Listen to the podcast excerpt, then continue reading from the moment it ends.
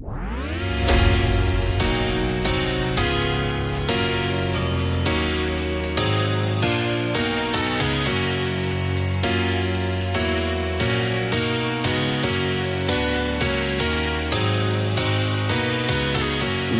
till veckans avsnitt av eh, Bladets handbollspodd med Stockenberg, Robin och Flink. Hur står det till med er? Har de senaste två veckorna varit? Eh, jag kan väl börja. Det har varit landslagsuppehåll. Ja, det är Det trist. har det. varit en gan- ganska lugn vecka för min del. Mm. Vi, vi själva här i Amo vilar ganska mycket och det skulle vi inte ha gjort om man såg på senaste resultatet. Men det har varit ganska gemytligt och lugnt så jag är fulladdad med energi inför det här avsnittet. Det låter ju lovande. Och Flink då? Du är i Georgien eller?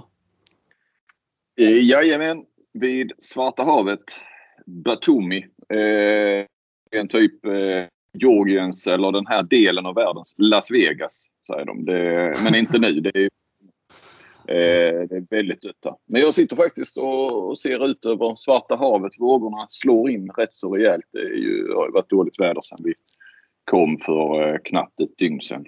Men jag har väl lite bättre utsikt än vad vi såg att du hade Robin. Du, eh, när vi drog igång här på, vi kör ju via Skype, så hade du videon i Du satt i någon skrov med stocken utbrast. Vad fan sitter du i? Josef Fritzels Skulle aldrig, att man glömde kameran skulle aldrig gjort det. Här har jag suttit även sedan vi började Flink, men du har eh, sett någonting helt annat framför dig när jag har kallat det poddkällare. Poddkälla kallar du dem. Jag har ju sett en poddstudio med så här stängda väggar och en ruta, eh, liksom fönsterruta ut mot eh, kontrollrummet och så vidare. Så, och du, ja, ja, det såg faktiskt lite tragiskt ut. Ja. Eh, ja, men jag är glad ändå. Då, då är det härligt Fast glada att... eh. Nej, men det var fantastiskt kul var det. det var, ja, Ja, ska, skakande bilder. jag, ska, jag ska hålla mig. Ja, lite, lite i chock är jag faktiskt. Ja men ni får samla er snabbt för att nu är det ju så va, att eh, jag har punkter, eh, ett körschema eh, som ska gås igenom. Och eh, det första där då är ju, du, du landslagsuppehåll sa ju du eh, Stockenberg och eh, det är slut nu. Eh, handbollen är igång igen på här sidan där med eh, handbollsligan. Fina matcher igår. Nu spelar vi in det här eh, torsdag morgon kan jag säga då. Vänta lite bara, vi får klippa. Det kallas. Vänta, jag kommer en, en här. Vad är det? Då- Det, kan, det är som i jävla- Han kan bara höra dem uppe men de kan inte höra honom. Det går liksom bara ljud in ner i källaren. Hör man en smäll här snart och så, så, så är han tillbaka. Ja, men vad var det han var någonstans? Såg faktiskt ut. Ja, nu spelar vi in det här på torsdag eftermiddag. Det var, eh, det var lite matcher här igår. Eh, många som började samtidigt. Man hade ju velat, jag såg det var någon som skrev på Twitter där att man hade velat ha lite någon vid sex, någon vid halv åtta och det hade man, eh, det var det, Sävehof spelar ju sex i och för sig, men alla, annars är alla, 19 har varit mycket sånt tycker jag i höst att alla lag spelar samma dag också, inte så utspritt som det har varit tidigare år. Eh, men igår var det ju eh, för min del då Kristianstad-Ystad. Riktigt så här härligt toppmöte. Eh, måste säga det var bättre än så tror jag inte att det blir under själva grundserien. Mycket folk med, alltså 3 och 7 var där. De hade väl hoppats på fler, men det är liksom nu efter pandemin får man ju ändå säga att det är bra med publik.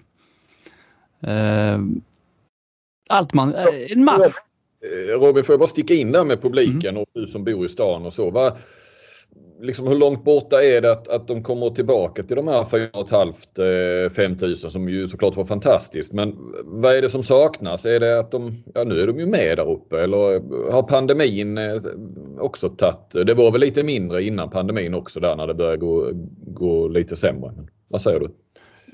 Ja, alltså jag tror ju de hade ju ehm, eh, Eh, de hade ju lite sämre snitt. De hade väl 4-3 typ innan, innan pandemin kom. Eh, jag tror det kommer att ta, alltså, jag tror det är en blandning där. Alltså, de har ju, de har ju varit några år nu av rätt eh, skrala liksom, prestationer.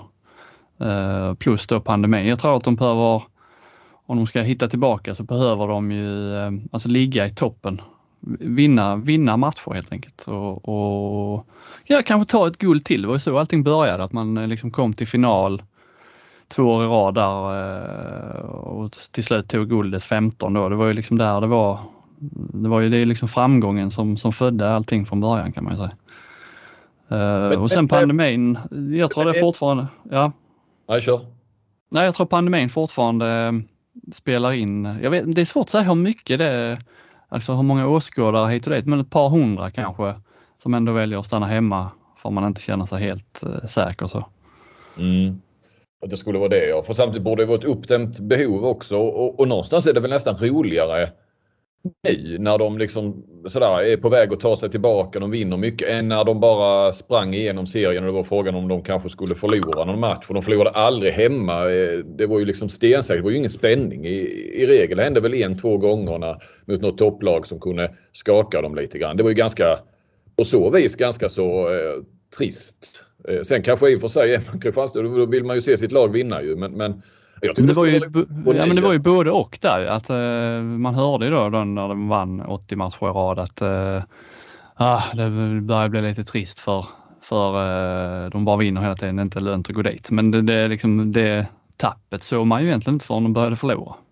Nej. Så att, nej, jag vet inte hur mycket det spelar in. Men sen tror jag också eh, så, liksom sådana här matcher när det då är mycket folk att, eh, att de ser till att vinna de hemmamatcherna tror jag. Eh, att det liksom blir hade de förlorat med 5-6 bollar mot Öysta, folk, eh, stämningen hade dött och folk hade gått hem och varit lite, ja det här var inte så roligt. Men att eh, jag tror det kan vara viktigt för att behålla en del av åskådarna, att de vill komma tillbaka igen, att det ändå är liksom lite tryck och att, att de vinner de här matcherna mot roliga lag. Då. Ystad är ju, är väl kanske det roligaste laget de möter på en säsong. Så eh, för, för Kristianstads del så var det, ju, var det ju här en jackpot. Ja och för alla övriga då förutom Ystad. det var ju en jävla underhållande match att titta på. Då tycker ni ska se den i se den i repris. Den ligger kvar på Simor. Det måste ha varit, jag vet inte om man kan kalla mig färgad, men jag, jag tycker att det var den eh, mest underhållande matchen hittills den här säsongen. Alla ingredienser, ni vet det, klassiska. Mycket folk, bra stämning, jämn match fram till sista anfallet. Eh, flera suveräna eh, enskilda prestationer, lite handbollsgodis, Kim Andersson. Kim Andersson var ju inblandad, mycket kul faktiskt. Han sprang liksom runt. Det är inte så många matcher man ser enskilda spelare liksom springer runt och hetsar publiken och typ snackar med publiken och gör lite gester och blir utbuad och eh, filmar kanske de tyckte han gjorde och eh, bjuder tillbaka med läckra straffar och så. Eh, kul! Han är kul, Kim Andersson faktiskt. Ja, men det är, det är väl sådana här matcher som krävs och mycket folk och så för att han också ska, ska tända till under serielunk. Jag, tycker, jag tror han tycker detta, det vet jag inte, men jag tror han tycker detta är roligare än att spela inför 2000 hemma. Ja, det tror jag med. Det, är som han, eh, det, ja, det sa han själv med att det var liksom en riktigt rolig match att spela. Eh, det är så här det ska vara med, med känslor och lite snack och ja, hat sa han till mig. Jag vet inte hur mycket hat det var så. Men, eh, det var, men liksom eh, hat gillar ju Stockenberg. Det triggar igång dig också. Du, du, ni påminner kanske lite om så på, på, på den punkten eller? Ja, nej men alltså det är ju, ja, jag kan ju se mig hur matchen var liksom. När du beskriver det. Det är precis så det ska vara. Jag vart ju bara lite där när han, det enda han var lite att inte de bästa domarna dömer de bästa matcherna. Och det är ju något ja. jag också har liksom. Jag vet inte vilka som dömde igår men. Det var Smailagic bröderna. Ja, ja, precis. Ja, men jag tycker det är konstigt att man. Ja, det, det, det är likadant när vi möter Skåne nu på lördag så är det inte. Alltså. Det är en seriefinal i Allsvenskan och då är det inte de bästa domarna. Liksom. Jag fattar inte. Men jag vet inte hur det såg ut igår men ja. Var Nej, alltså... På Kim så var ju inte domarna det bästa på banan i alla fall. Nej. Nej, för matchens del är det ju bara, det krävs ju, är, är domarna ja. för bra så, så blir det inte, då lyfter det inte den sista procenten. De måste ju vara lite dåliga för att det ska lyfta. Det var ju var ju många konstiga beslut åt båda hållen eh, egentligen. Eh, det som framförallt en grej som jag reagerar på eh, som var väldigt märklig. Ystad spelar 7 mot 6. Kristianstad kontrar Henningsson. Han blir liksom, där, där är folk hemma liksom. Skjuter mot det tomma målet. Dali Bordeaux hoppar in i målgården och räddar målet med foten. Straff och solklar utvisning såklart. Men mm. då blir det, då blir det liksom inte utvisning. Det tycker jag är sånt är extremt. Det är ju en petitess, Flink. Men det är ju ändå, sånt kan störa mig. De är liksom så himla på domarna, alla domare, att eh, det blir utvisning så fort eh, någon täcker med någon fot eh, på kanten eller vad som helst på banan. Men de hoppar in och täcker med fötterna i målgården så är det helt plötsligt inte, inte utvisning. Plus att jag har fått rött kort för exakt en sån situation när jag spelar division 4 handboll i Tollarp. ja ja, den sitter i. Mm. Nej, men det var liksom en... Eh, och man såg ju det är liksom två lag. Ystad har liksom eh, sju segrar på de eh, åtta senaste matcherna tror jag det var. Gått ju som tåget här efter den Halby-förlusten de hade i början. Slått Sävehof också hemma och Kristianstad då kom fem raka segrar eller sex som räknar med Skövde. Så det var, man såg liksom att det var två lag som inte var särskilt oroade över eh, sig själva utan eh, det fanns liksom ingen... Eh, det var två lag som eh, var trygga liksom. Trygga i sitt spel. Nej men alltså jag känner väl när man, när man ser, ja, hör och man liksom har sett här nu så det är ju de två eller Sävehof som kan vinna SM-guld i år. Mm. Möjligen Skövde då, om de får tillbaka Turin nu och han är i form och sådär. Men eh, känns inte som att de andra lagen räcker till. Nej. Eller? Nej, det, det var väl de Kim, vi... Kim det också. Han har ändå spelat. Ja, sorry Flink. Nej, men det, och det var väl lite lite så ändå. Eh, okej, okay, vi har kanske Kristianstad lite längre ner, men att Sävehof, Ystad, Malmö är det väl som, som skulle vara topptrion där. Nu verkar ju Malmö falla, falla ifrån lite. Eh, och, och, jag hade väl inte Skövde så högt upp heller med, med de de har tappat och sådär. Men, men eh, nej, men jag håller med dig. Det, ja, men det känns som att det är ett ännu större glapp liksom i år. Mm. Alltså, mm. mellan förut då kunde ju ändå Lugi och Alltså visserligen Alingsås kan väl, ja de räknar man ju alltid bort men Alltså det känns inte som att de ja, i fem matcher kan slå de här. Jag, jag vet inte. Framförallt inte nu utan högernior och sådär. Jag, jag har svårt att se det i alla fall. Mm. Ja, jag tror det blir det är en eh, trio som gör upp om ja. eh, de två finalplatserna. Det är Sävehof, Kristianstad och Ystad. Mm. Så då blir ju eh, första platsen blir viktig att knipa då med andra ord. Ja. Mm. Lite förvånad Ystad. Alltså, eh, nu sa jag ju, vi gick igenom vår genomgång här innan årets värvning, vem, vem vi trodde där. Jag sa ju Filip Stenmalm där, tror jag. Eh, men han, anv alltså, att han, han används bara som försvarsspelare. Borde inte han, eh, Stockenberg, inte den spelare, även om han bara, han spelar mest försvarsspel i Polen. Men det är ju liksom när han gick ut, det är väl en spelare som ska kunna vara en nyckelspelare för Ystad även framåt. Alltså jag tror så här. Jag, jag, tror att man ska använda han lite som de gör. Att han ska spela nonstop bakåt och så kanske 10 minuter per halvlek framåt. För jag har den känslan av att, han, att det kan bli lite mycket tekniska fel och sådana där saker. Om han får en för stor roll. Mm. Eh. Då hade du i och för sig helt rätt. Han spelar nästan, jag tror inte han spelar ingenting framåt eh, mot Kristianstad förutom när han följde med upp men de gångerna han stannade kvar lite för länge på banan efter en ja. kontring så blev det faktiskt rätt mycket tekniska fel. Så, ja, men han är ju så, han går ju all in på sitt eget och han har inte tillräckligt bra spelsinne. Sen har han ju en jävla tyngd och ett jävla skott men han, han har inte det där sista lilla finliret. Um, sen tycker jag i och för sig inte Jonathan Svensson har det heller så jag. han var ju faktiskt, det får man ju ge, eh, nu har jag inte sett honom så mycket i år men eh, jämfört med, alltså han var ju riktigt vass. I, ja men han har ju, han har ju lyft i år tack vare mm. det här att han verkligen har fått förtroendet. Mm. Nej, han De var... sista matcherna har han ju varit jätte, jättebra. Mm. Så um, det är ju kul. Sen får jag ändå säga, jag är ju, ehm, nu följer man ju Kristianstad närmare så, men det, jag är liksom rätt imponerad där att de har fått ihop det så bra, Ville och Uffe där, eh, tränarna. Eh, man såg liksom Vranjes var här i två säsonger lite mer.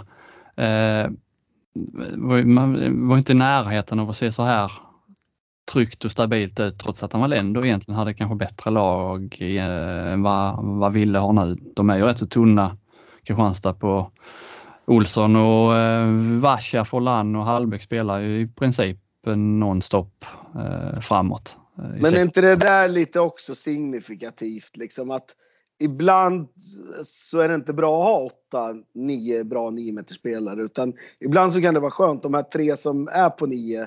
De vet vilka roller och de vet att de får spela. Mm. Alltså, det är ju ganska tydligt nu att det är eh, Olsson, Varsa och sen Hallbäck. Det är första linan. Det vet alla om. Mm. Alltså, och sen kommer Henningsson eh, in bakåt. Och sen första bytet på nio så kommer den andra Henningsson in. Och, och sen Johan Nilsson har den här femte rollen. Och, alltså, det känns jävligt tydligt allting med eh, hur Kristianstad spelar. Selin är klar där. Nu är Fren Döfors, jag vet inte om han är med eller om han har varit skadad. Men nu är det ju en, han är ju självskriven där och på mittsex så är Jurmala såklart första val. Liksom. Mm. Nej, det är de... rollfördelningen som ja. Eh, typ alla framgångsrika lag eller tränare ja. pekar på nästan. Ja, och som vi kan utifrån som inte är tränare. Jag tyckte det förr, det var så jävla luddigt alltid. Jag kommer ihåg när EM 2010 när damerna gick till den här sensationella eh, finalen där. Det var Per Johansson och Bagan och jag tror de hade in han eh, Lundin också, Anders Lundin. Va? Eh, och då snackade ju de, både tjejerna och förbundskaptenerna, mycket om rollfördelning. Att, eh, ja, Bagarna har väl varit rätt bidragande där och Lundin då som, som var med som någon nästan psykolog eller eh, sådär. Det var så mycket. Jag tyckte bara det var, ja men fan, förklara det sportsligt istället varför ni är så bra. Men jag, man har ju lärt sig det där ju. Att eh, rollfördelning, det var ju lite det de kom in på damerna i Förutom kanske liksom lite stärkt fysik och så att OS också, det var också så här klar rollfördelning. Ja. Mm. Nej, jag håller med. Det, det har nog inte det på så här tydlig, eh, tydlig förstauppställning och tydlig ja, rollfördelning har det inte varit i alla fall i Kristianstad på, på flera år. Då var det liksom mer in, eh, missa två skott, ja då får du sitta resten av matchen. Uh, här är det ju, det känns som att det, det finns inte den rädslan eller uh, oron över någonting. Utan, Utan, snarare nu att de har släppt på handbromsen och att de tycker att det är förbannat jävla roligt igen. Alltså mm. Spelglädjen. Det, det, är väl det jag känner när man tittar på Kristianstad liksom. Förut var det tunga huvuden, man tittade ut mot bänken. Var det där okej? Okay? Det jag gjorde liksom. Nästan mm. en oro liksom Även fast man gjorde en, alltså en basic grej så var man nästan orolig. Fan, kommer jag få skäll för det här nu? Mm. Eller kommer jag bli utbytt nu? Och kommer jag bli liksom helt i frysboxen och inte spela de fyra närmaste omgångarna för att jag gjorde sådär? Det var lite känslan och det, det känns precis tvärtom nu. att nej, men Nu gasar vi. Det är okej okay att göra fel ibland. Jag tror det passar svenska spelare, nu är ju inte det bara svenska spelare i IFK Kristianstad, eh, att det passar svenska spelare att ha det här förtroendet. Jag kan tänka mig att juggar är ju uppfostrade liksom sen barnsben och skolan och, och allt möjligt i att eh, missar du så, så eh, åker du ut typ. Eh, och det här lite andra ledarskapet. Eh, jag tror att svenskar, eller vi skandinaver, jag tror vi mår rätt så bra av det här tydliga med förtroende och så. Eh, vi har ju, det var ju som sagt, vad har vi, en, två, tre, fyra, fem matcher som spelades då när vi har hunnit spela in den här eh, eh, podden. Men om man tittar, nu har det ändå gått tio matcher i ligan har de flesta spelat. Eh, bara vilka, vad man har sett av, eller läser av från tabellen. Va, vilka lag tycker ni har överraskat positivt och negativt? Kör du Stocken. Nej, men jag tycker väl att Kristianstad Alltså Sävehof och Ystad har ju alltså motsvara där man trodde. Um, men det är väl Kristianstad och Alingsås och Hammarby då som kanske har gjort ja, det lite bättre än man trodde. Och sen de som har tok underpresterat, det är ju Lugi och RIK. Önnered, Hallby. Ja, det är ju de som ligger fyra. De fyra som ligger längst ner. Aranäs har väl gjort det okej. Okay. Ystad har väl gjort det så. IFK Ystad har väl gjort det som man kan tänka sig. Malmö. ja, lite sämre. Hammarby lite bättre. Skövde har väl gjort det okej. Okay. Och sen de här fyra som ligger ja, där uppe, de, de har gjort det bra. Och kanske att Kristianstad är det laget som har tagit störst kliv mot, mot förra året. Får du igång eh, Robin? Eh, refererar du någonting till Stockens gamla tips eh, fortfarande? För, du, du behöver inte få igång dem mer nu. Nej, jag tror det verkar som att eh, det har de nog eh, släppt. Det, det känns som de har, eh, är så trygga i sig själva nu så de behöver inte, nej, jag vet inte, Stockens ansikte kanske sitter i någon slags darttavla. Men, det... nej, jag pratade faktiskt med Uffe här i veckan. Han verkar inte alls sur. Han verkar glad. Ja, men de är ju himla glada nu de där två. De kör sina språkkurser liksom på Twitter. Är det liksom så? De, lite Lars Tommy utöver det. ja, lite så. Jag läste den eh, artikeln som ni, eller intervjun ni hade med dem båda inför matchen där. Att, eh, jag tycker också det lyser igenom liksom den här det är väl framförallt Uffe då som har varit med på, på hela vägen de senaste åren. Att där är liksom en glädje och eh, han pratar ju också om, om tydlighet från i, i spelet och ville och sådär. Det, ja, det osar ju också trygghet och harmoni och visst, och nu, nu vinner de ju hela tiden så det är ju allt positivt. Men, men, ja, men, det verkar men undrar om inte de som har gjort det bäst efter spelarmaterial ändå är Guif. Med tanke på vad de har tappat. Mm. Mm. Alltså, han får fan ut massor Soran. Ja. Av sitt, egentligen tycker jag, ganska mediokra lag. Alltså ja. de tappar ändå Erik Johansson han, den där andra på högernian, han har ju varit borta i de sju första omgångarna eller något sånt där. Eh, ja, Robin Andersson sluta. Eh, Hagelin sluta. Alltså, Guif gör det förbannat jävla bra alltså. Skulle mm. de vinna idag, då är de uppe där. Alltså, ja. då är de ju topp sex. Alltså, ja. så det, ja, Guif är, är nog faktiskt de som har alltså, presterat bäst sett till material ihop med Aranäs då kanske. Vi hade ju den, den tyckte jag var rätt intressant igår också, eh, RIK och Halby. Som mm. för RIK tok usel form ju, inte vunnit, bara vunnit mot Kristianstad. Halby som inledde så eh, pikt och härligt eh, och slog ju Ystad borta, där fall det var första omgången, som ju har lite down. Nu möttes de, det bli rätt kul att se om det blir någon sån liksom klassisk eh, krock då där RIK eh, kunde, kunde liksom vända någon trend. Eh, men det gjorde de ju verkligen. Åtta mål vann de med mot, mot Hallby. Är det liksom RIK, jag vet inte vad man ska ha. Man, jag trodde ju rätt mycket på dem att de skulle kanske till och med kunna ta slutspelsplats. Eh, men jag har svårt att placera dem nu. Nu slog de Hallby klart, jätteklart. Samtidigt så, så har de ja, släpp, valt att släppa eh, Stenmalm eh, snabbare än eh, förväntat där och fick väl lite extra cash. Men det känns liksom nästan som att de var, hade gett upp liksom. Men det, det har de kanske inte. Vad säger ni om RIK? Nej, men det har de väl inte. Men det, jag håller med dig. Och det är ju jättesvårt i den här serien att dra för mycket på en match. Men lite game changer känns det ju som att, att det här var lite så här beviset för Hallbys ras också från, från en fin inledning och att RIK kanske nu börjar klättra sen. Ja, det ska väl spelas några matcher till ju men. Ja, men på något sätt tycker jag ändå det känns som att RIK Alltså, ja, förutom då Ystad IF borta och kanske någon match till mot de här yppersta topplagen. Så har RIK de har haft lite otur också. De alltså, har ju bollen för att avgöra mot Aranäs och skjuter Stenmalm och så kontrar så en sekund. Samma sak händer väl mot eh, typ Guif borta, då leder de med ett när det är tre minuter kvar och förlorar med två. Alltså, och mot Hammarby så förlorar de ett hemma. Alltså, de har haft lite oflyt också, RIK. Mm. Eh, kan jag känna. Sen har de, torsk, har de i och för sig några rejäla torsk, men eh, de känns ändå som att de, de, de har kapacitet att slå varenda lag egentligen i den här serien. Men, men det har ju varit för mycket Stenmalm igår såg jag ändå att då gjorde Stenman visserligen åtta, men då gjorde Rumän sex. Lövgren sex. Eh, det, det, var inte bara liksom Stenmal 12 och så nästa på två, tre.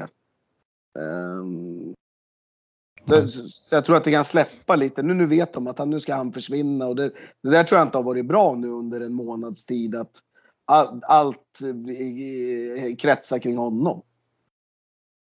Ja.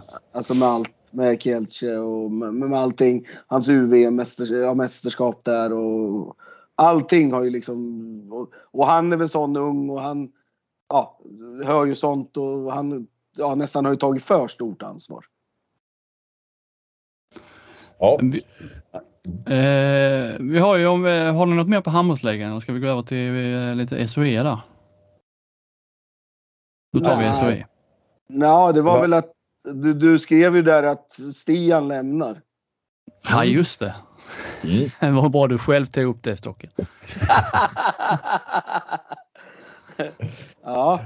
Ja, va, det, det, snackas ju, det snackas ju här i Skåne om att eh, Alstermos succétränaren ska till Malmö nästa säsong. Kommentar? Nej, det, det dementerar jag totalt. Det, det finns Aha. ingen, ingen, ingen sanning i det faktiskt. Så jag vill bara göra klart för det, för det var ju en annan podd också som de ja, ryktades om det. Så det men ja, ingenting som jag vet om i alla fall. Är det någon annan skånsk klubb? För det var väl Charlie där i Avkastpodden som sa att du skulle till Skåne och så fick väl de andra gissa och så kändes det som Malmö och så pratade de om Malmö. Va, men hör du någonting från, eh, från eh, klubbar i, i handbollsligan? Ja, det kan jag säga att det har jag gjort. Men ja. Alltså jag är väl lite sån att jag, jag känner väl att alltså jag vill ju göra klart en, Alltså fan det är ju knappt börja den här säsongen. Och sen ska man liksom, ja. Så jag har väl varit ganska tydlig med att jag kommer inte bestämma mig, ja, januari tidigast liksom vad jag ska göra nästa år. Eh, om, ni skulle, om ni skulle gå upp då, vad, hur känner du då för att eh, skulle det vara att svika Amo att, att lämna då eller, eller, är du, ja, eller är du så sugen på att och verkligen spela handbollsligan med med Amo. Du, jag vet inte, du hade sagt någonting att, att det var ju en dröm att ta upp dem och, och ja, och då kanske man också är, är nöjd med, med det, att ha gjort det. Du kanske inte har så mycket att vinna på att, ja det skulle vara att hålla kvar dem såklart. Men... Ja, alltså jag, jag, jag, har inte tänkt så att man är så jävla inne i det här nu att den här säsongen ska gå bra. Men alltså, ja, man är väl så. Man, man försöker väl bryta barriärer hela tiden då att ja men går vi upp med AMO och man stannar kvar där så då vill man ju kanske klara sig kvar och så nästa år då kanske man vill till slutspel och alltså mm. så, så, är det ju. Man är ju, man, man är ju så som. Men jag tycker överlag det här med tränare och spelare och att det är liksom det är klart med spelare och tränare redan innan innan den nuvarande säsongen ens har börjat knappt. Jag, är lite, jag är lite emot det där. Jag, det har varit jäkligt tydligt med alla. Liksom, att jag, fan, man vet ju inte vad man vill göra nästa säsong. Liksom. Det, det, vet man ju inte nu. Ehm, men det har blivit sånt. Det har blivit sånt klimat att, man måste, att, att det måste vara så. Jag, jag vet inte vem eller vilka som drog igång det att det ska vara så. Men jag tycker att det är konstigt att det måste vara, liksom de spelar mot varandra. Nästa år då ska de spela med dem och, och nästa år ska de träna med dem, träna det laget och så kanske de möts i ett kval eller i ett slutspel. Alltså det, jag tycker det blir jättekonstigt. Mm. Uh, överlag. Ja, nej, men det, jag tycker det här är precis eh, då med, med Stenman till exempel och vi har ju Kolstad också där eh, ja. Sagosen ska komma 2023 och eh, Ja men det finns så ju mycket, det har väl andra poddar också varit inne på. Eh, men vad fan, det är väl bara och, eller det är ju inte så bara, men att handbollen i Europa, i världen, tar samma system som fotbollen. Att eh, med ett halvår kvar, det är först på kontraktet, det är först då du får kontakta en spelare. Ja. Så, så kommer vi ifrån de här ett, ett och ett halvt, två åren innan ja. och, och, och, konstiga saker. Att motivation och man möts och eh, Ja, nej. Det, ja, det är faktiskt obegripligt hela det systemet. Hur ja. det har, hur jag, jag, jag, tycker i alla fall det är jättekonstigt. Liksom. Men, men nu har man ändå varit med så jävla länge så man vet ju hur det funkar och sådär. Men man tycker ju ändå att eh, Och det vet man ju själv nu när man sitter liksom och, och ska jaga spelare. Du måste ju liksom du måste ju vara på dem redan i september om du vill ha dem nästa år i, mm. i augusti. Liksom. Det, så är det ju. Så det är ju ja, det är, det är sjukt. Och dessutom så skulle det ju, nu, nu är detta kanske inom Sverige, men, men även för svenska klubbar borde ju vilja ha den här regeln att kunna få lite betalt också. Att, att eh, större klubbar ute i Europa inte skriver sådana tidiga avtal och så när kontrakten går ut så man inte ens får betalt. Eh, nej, det väl, skulle väl alla må bättre av. Bättre system med lite övergångssummor också. Absolut. Mm. Men vad skulle krävas då? Eh, eh, ja, nu har du precis sagt att eh, det är svårt, men liksom, om, du, om du ska lämna AMO, vad, vad är det för, har du, har du någon form av tankegång? Har du? Vad skulle liksom krävas? Alltså jag, jag kommer ju inte träna AMO om vi är kvar i Allsvenskan, så är det ju bara. Nej. Jag kommer inte sitta och åka till Vinslöv ett år till. Så är det bara. Alltså, det, det är handbollsligan med AMO eller något annat lag. Så, så, så är det bara. Vad, vad, vad har du emot Vinslöv? Nej, nej. Det var bara ett... Det, var bara ett, eh, nej, det är väl en av de, de roligaste bortamatcherna i Allsvenskan. Men ja, jag, jag har gjort de där åren nu. Liksom, att nu, nu får det vara slut. Nu, nu, det är nu eller aldrig med Amo. Liksom. Nu, nu får, får vi ta och gå upp. Det är bara så. Mm. Ja, ja. Um, då får vi se lite där då. Ska vi gå över till, ehm, till SOE? Det, det spelas, spelades ju eh, fullt med matcher även där. Eh, Sävehof och Skuru leder ju där i topp.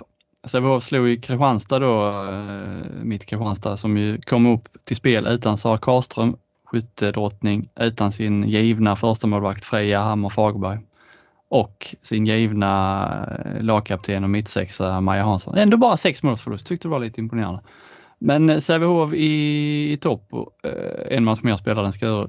Om man tar där då, tabellmässigt har den ju kanske inte satt sig lika mycket. Förra gången vi poddade så var vi inne på att eh, spelschemat skulle gynna eh, Hör. Nu åkte de på däng mot, eh, mot eh, Lugi ändå med tio, tio bollar mot Lugi som ju, eh, ja, visserligen lite på uppgång men som inte har rosat mark, marknaden eh, i övrigt.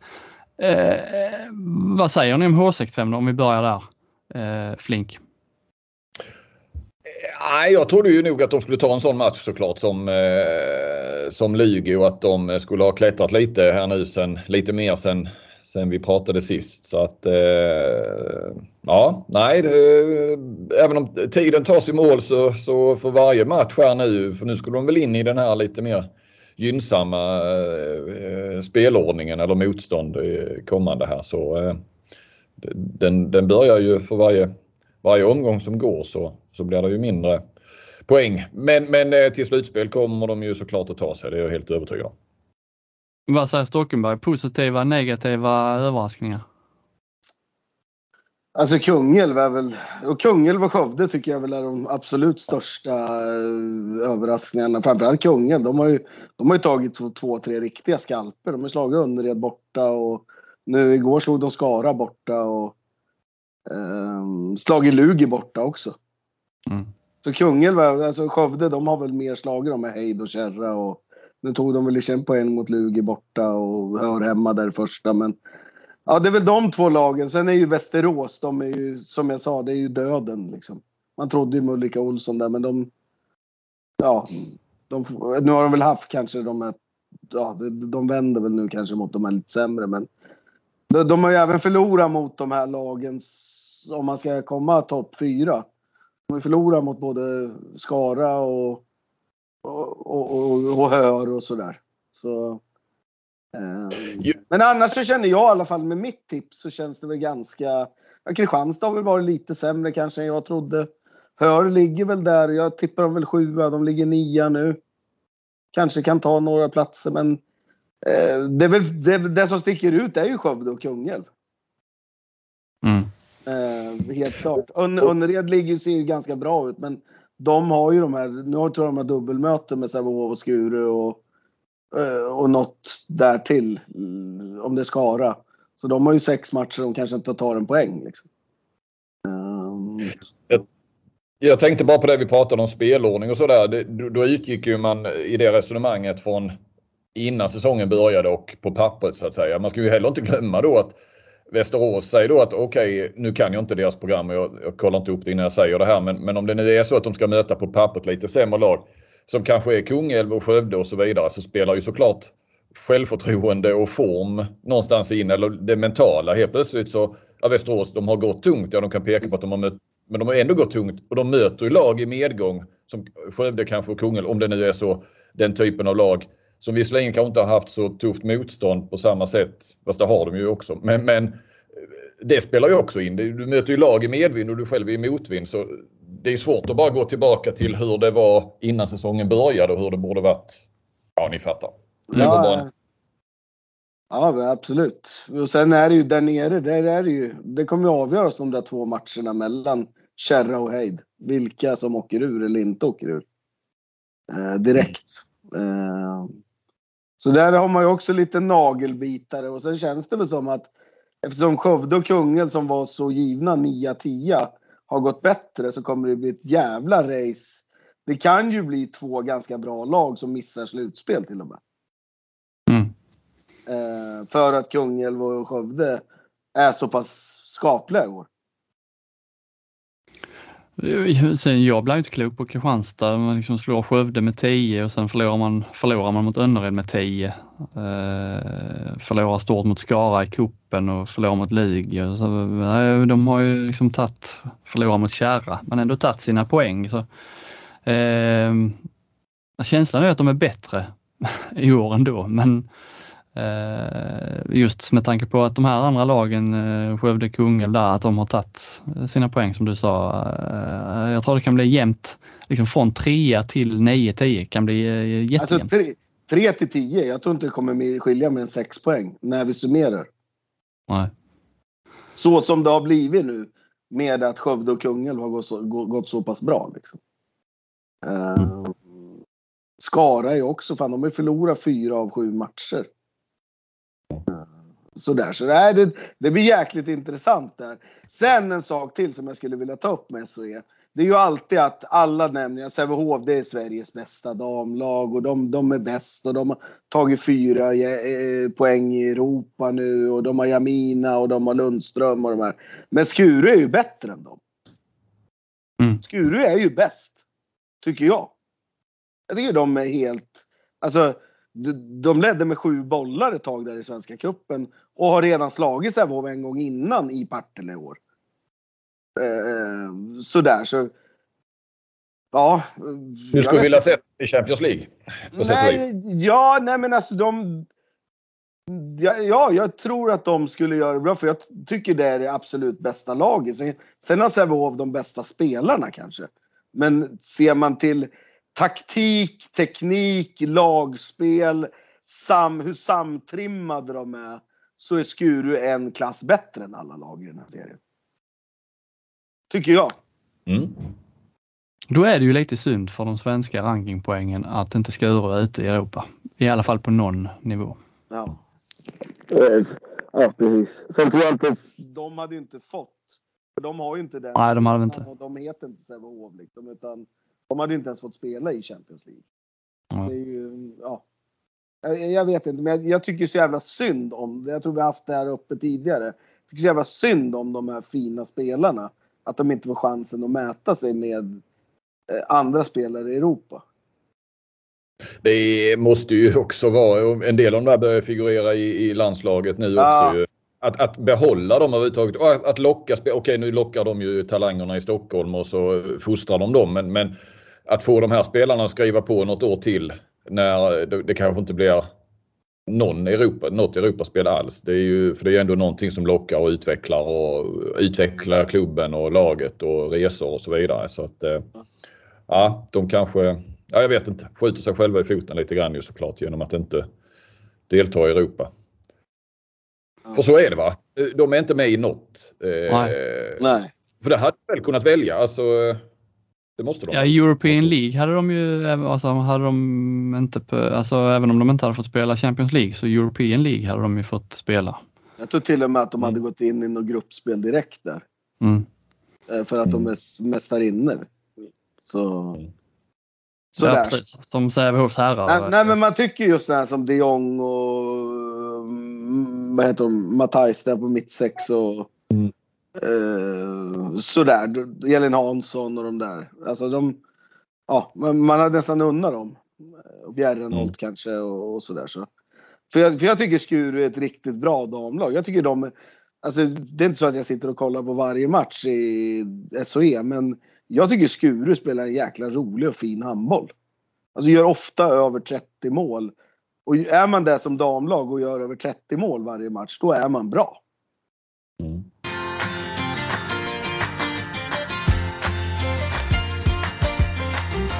Min nästa punkt där, jag tänkte vi kunde ta upp förbundspunkten kallar jag den. Och det rör egentligen två olika förbund, men om vi börjar med det internationella handbollsförbundet så kan, får vi ändå nämna där att eh, Dr Hassan Mustafa valts till fyra nya år som president, kanske inte oväntat sig.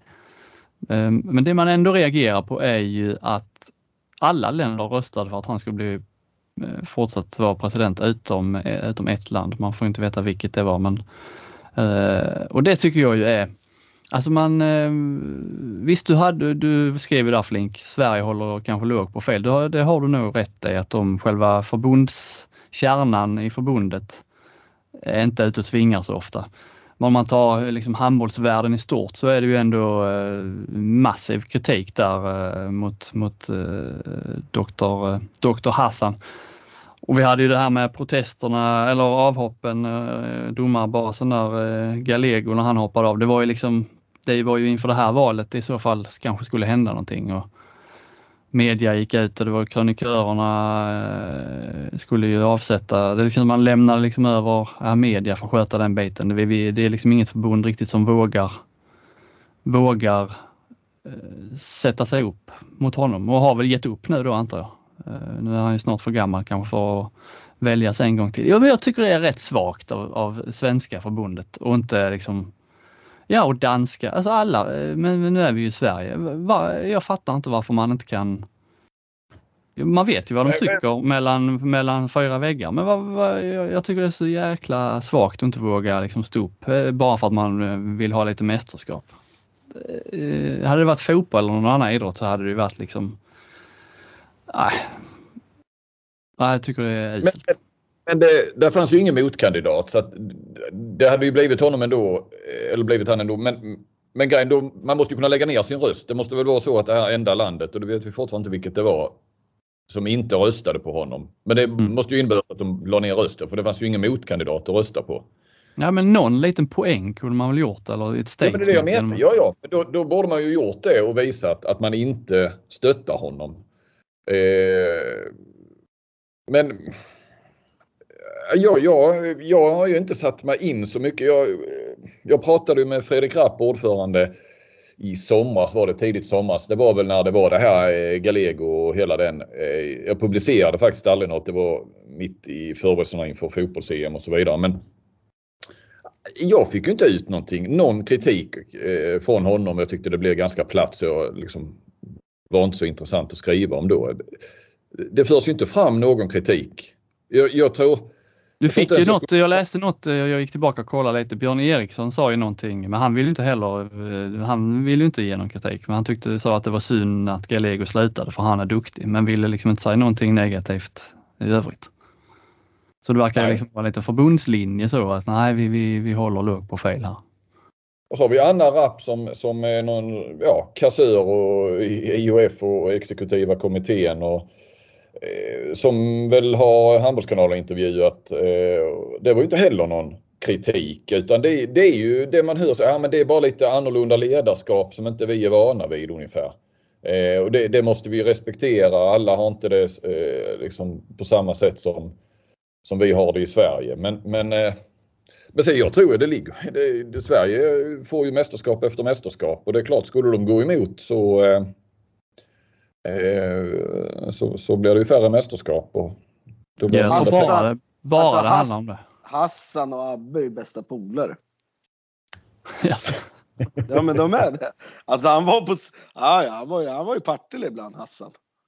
Alltså han var helt ärligt, han var i Partille. Ja, jag läste ju någon gammal grej där när de hade sin kongress i Göteborg. Det var ju... Ja, ja, precis. Det, var ju, det, var ju under, det var ju under Partille Cup där också så. Det var en jävla grej det där med, eller, ja.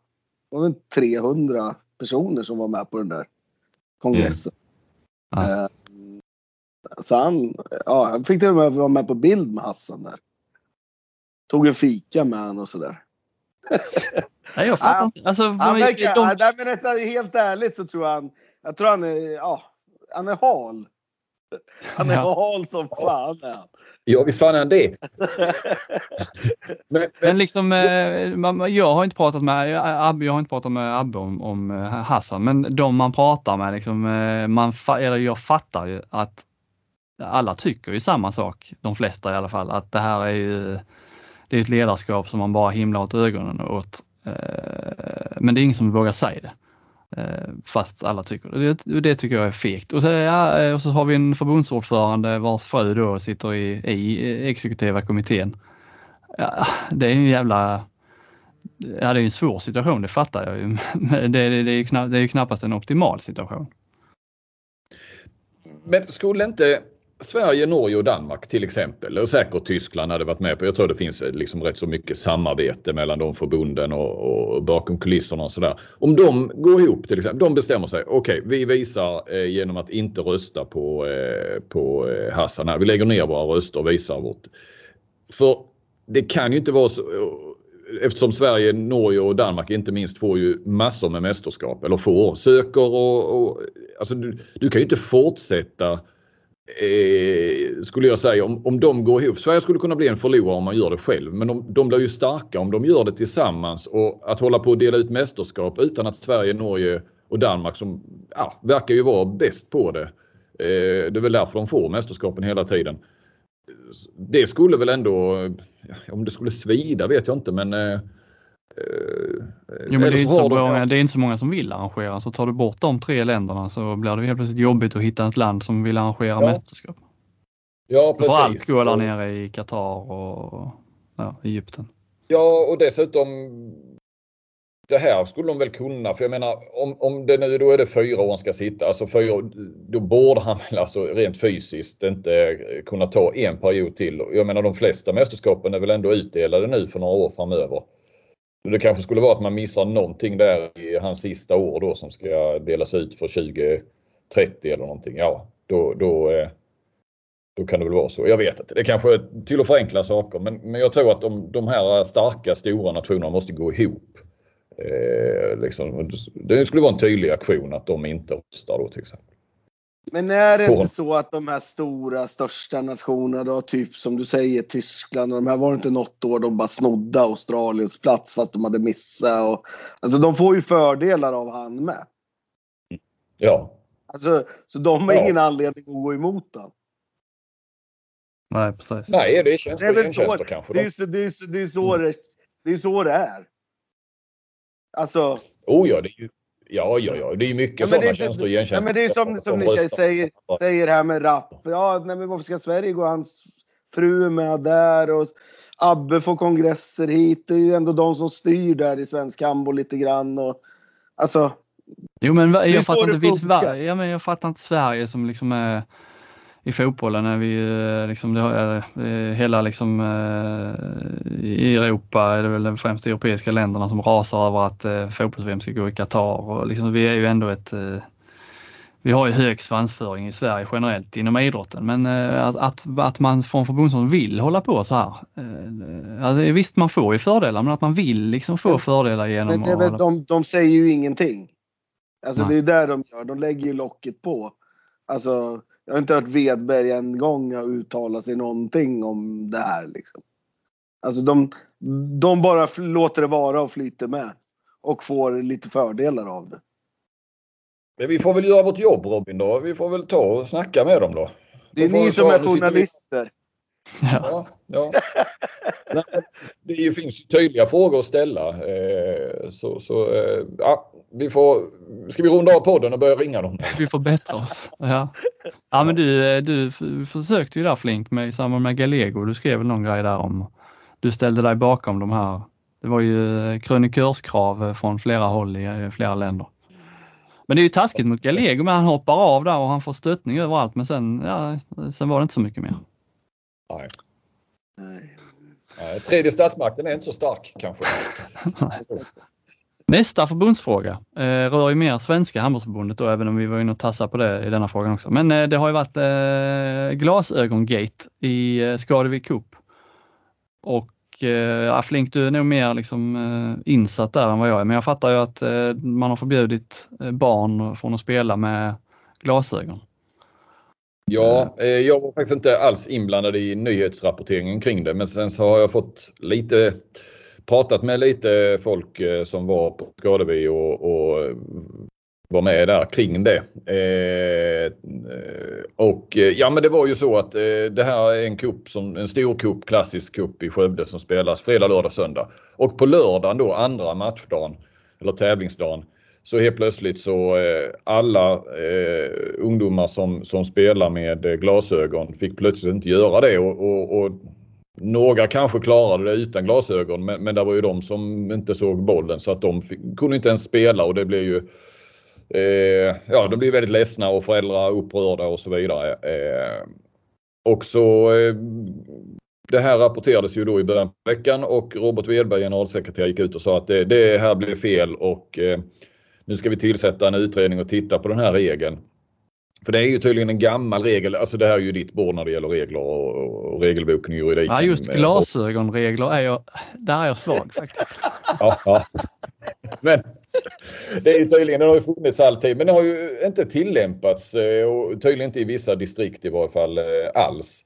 Ehm, men, men Wedberg menar att ja, det här blev ju helt tokigt eh, och, och, ska inte lasta turneringen för detta och, och, och sådär. Och nu är ju Wedberg från Skövde själv ju, men, men det, det, har han väl rätt i. Eh, och sen har jag förstått att och så sa han också, då ska ju domarkommittén eh, titta på detta eh, och se över regeln och så vidare. Men grejen här är ju, har jag förstått, och det är ju, Handbollskanalen gjorde en intervju med Monica Hagen då som, som väl är, om hon sitter, jag vågar inte säga om hon sitter med i domarkommittén, jag har inte kollat upp det, men hon har ju varit med eh, är ju kring det här eh, och, och är gift med Berntsson som, eh, om han sitter med i domarkommittén, jag vågar inte säga det, men han, de är ju eh, höga, de är ju pampar lite grann inom detta och Hagen har ju så sent, är ju delegat i de flesta stora mästerskapen och var på OS och så vidare. Och tydligen var det ju hon som eh, då var på den här turneringen. Hon har väl inte jobbat cuper tidigare har jag hört, men det vågar jag inte säga helt. Men då var det ju något projekt med att det skulle för uh, eh, unga, eh, eller ja, för tjej, tjejer som, som dömde och det var mycket, för jag såg ju en del matcher. Eh, det var mycket tjejer som dömde och det är ju positivt. Det är något projekt då sagt från förbundet och då var Hagen där då som någon sorts projektledare eller så. Och vad jag förstod så är det ju hon som då har gått in och, och på, på lördagen sagt, eller på fredagskvällen, för de bodde väl på samma hotell alla domarna, att eh, ja, det, här skulle, det här måste de ta tag i och det är ju massor som spelar med, med glasögon och det får man inte. Och sen har jag ju hört då att det är ju väldigt många som, som menar att det var ju, det är ju tondövt av Hagen då att, eh, och man kan ju förstå de här unga domarna då, de går ju inte emot det utan de gör ju som som eh, chefen säger då ju. Eh, det var ju bara någon minut innan matcherna skulle börja så bara hopp, du har glasögon, gå och sätt dig, du får inte vara med i matchen. Eh, och hon säger nu i Handbollskanalen att eh, ja, men det, det, är så lätt att skada sig eh, och jag, jag, regel är regel och det har jag också hört att det var liksom hennes sådär, ingen känsla alls att okej okay, vi kanske ska låta dem spela lördag, söndag och sen så får vi liksom ta tag i detta inför kupper och i ungdomshandbollen överhuvudtaget och se över det. Utan hon var ju stenhård där att regel är regel och det känns ju väldigt, väldigt fyrkantigt. Eh, Man börjar ju nästan... Ja, ja. Jag, jag sitter och tänker här. Man börjar nästan tro att hon har typ där glasögon som man får spela i. Lite som Hassan där med klisterbollen. Att hon har en affärsidé. Att hon gör såna här glasögon som man får spela i. Ja, glasögon, glasögon har hon i alla fall. Ja, det har hon. Det har jag. Ja. Många gånger har sagt Nej, så, så. Sen har jag, så hon hävdar ju då att det, har, eh, att det ska ha hänt eh, olyckor eller skador med glasögon eh, där det har tillåtits och hon skulle inte liksom not on my watch att, att det händer. Hur skulle jag kunna förlåta mig själv om det sen händer någonting eh, när jag har ansvar? Och sen är det någon annan som har skrivit att har den här regeln funnits i 50 år? Det har väl aldrig, aldrig hänt att det har skadats. Jag vet inte. Eh, om det är vanligt förekommande med, med skador. Alltså man får ju spela med en viss typ av glasögon. Så att, eh, ja, ungefär där. Eh, det var väl inte så bra skött. Eh, man kanske inte kan i ungdomshandbollen mitt under en turnering. Eh, alltså sättet som, som det gick. Eh, konsekvenserna fick är ju. Ja, det är inte bra för handbollssporten om man säger så.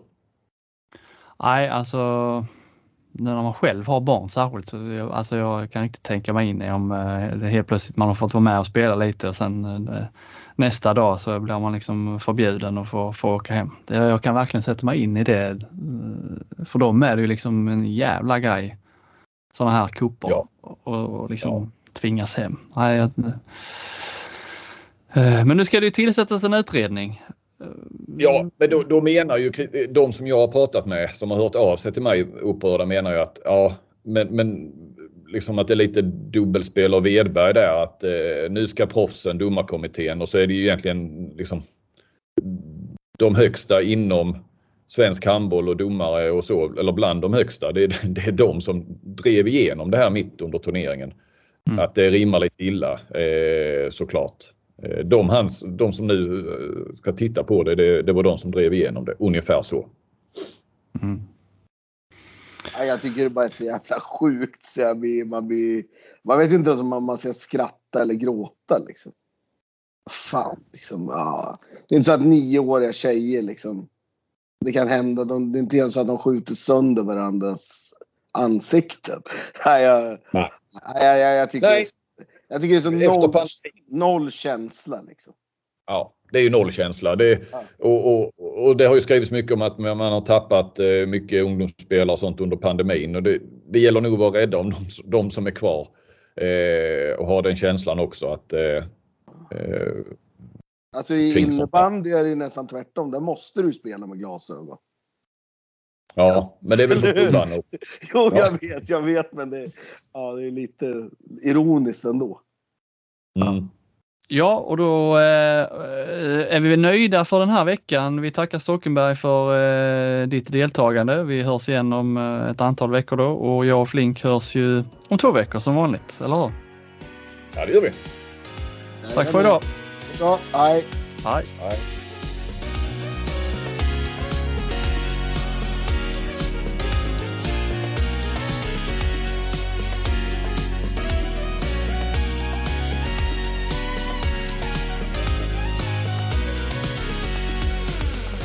Du har lyssnat på en podcast från Aftonbladet.